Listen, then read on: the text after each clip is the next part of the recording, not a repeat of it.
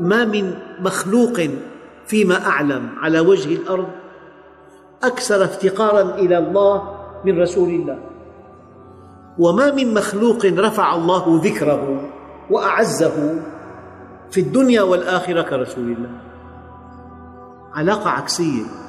كلما ازددت خضوعا لله كلما مرغت جبهتك في أعتاب الله كلما قلت يا رب أنا عبد ضعيف.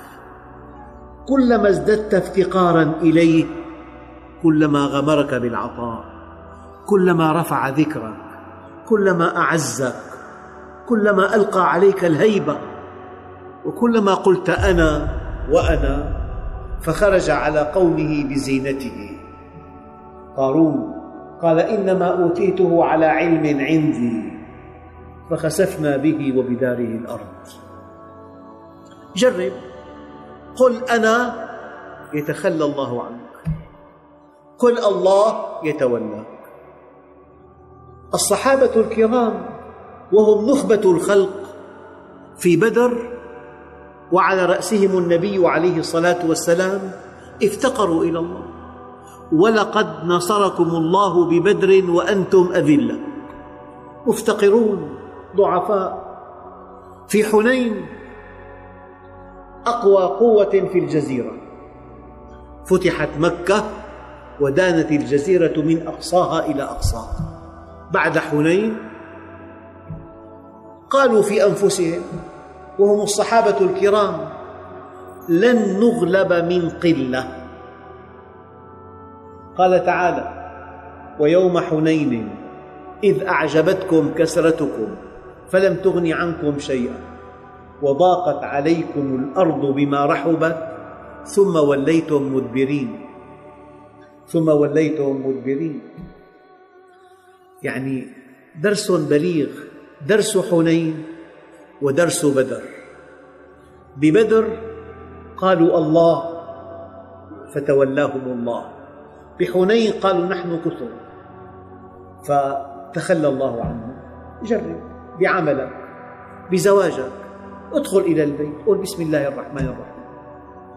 أخرج من البيت. قل اللهم إني أعوذ بك من أن أضل أو أضل. أو أذل أو أذل. أو أن أجهل أو يجهل علي. الله بيتولاك يسدد خطاك.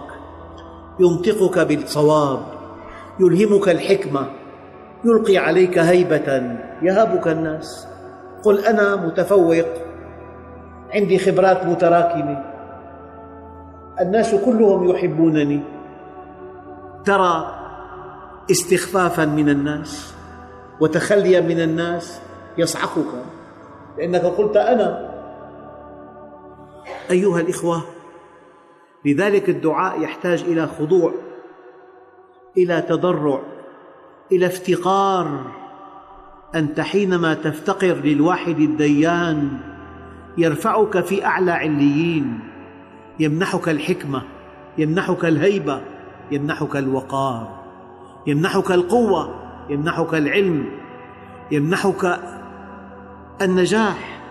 التفوق اخضع تذلل وما لي سوى فقري إليك وسيلة فبالافتقار إليك فقري أدفع وما لي سوى قرعي لبابك حيلة فإذا رددت فأي باب أقرع.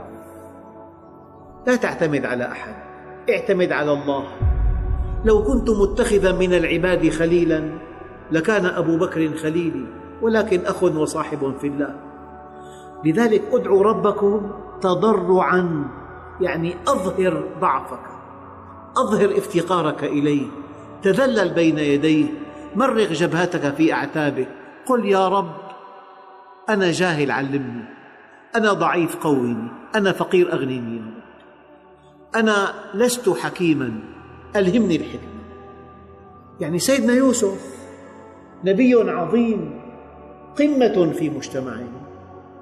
قال رب إن لم تصرف عني كيدهن أصب إليهن وأكن من الجاهلين. حتى استقامته وعفته ما نسبها إليه. إن لم تصرف عني كيدهن أصب إليهن وأكن من الجاهلين. شأن العبد الخضوع. وشأن الله العطاء. بقدر ما تخضع يرفع شأنك. ألم تقرأ قوله تعالى ألم نشرح لك صدرك ووضعنا عنك وزرك الذي أنقض ظهرك؟ ورفعنا لك ذكرك. رفعنا لك ذكرك. وهذه الآية تنسحب على كل المؤمنين بقدر استقامتك وطاعتك وإخلاصك. يرفع الله لك شأنك يلقي محبتك في قلوب الخلق. إذا أحبك الله ألقى محبتك في قلوب الخلق.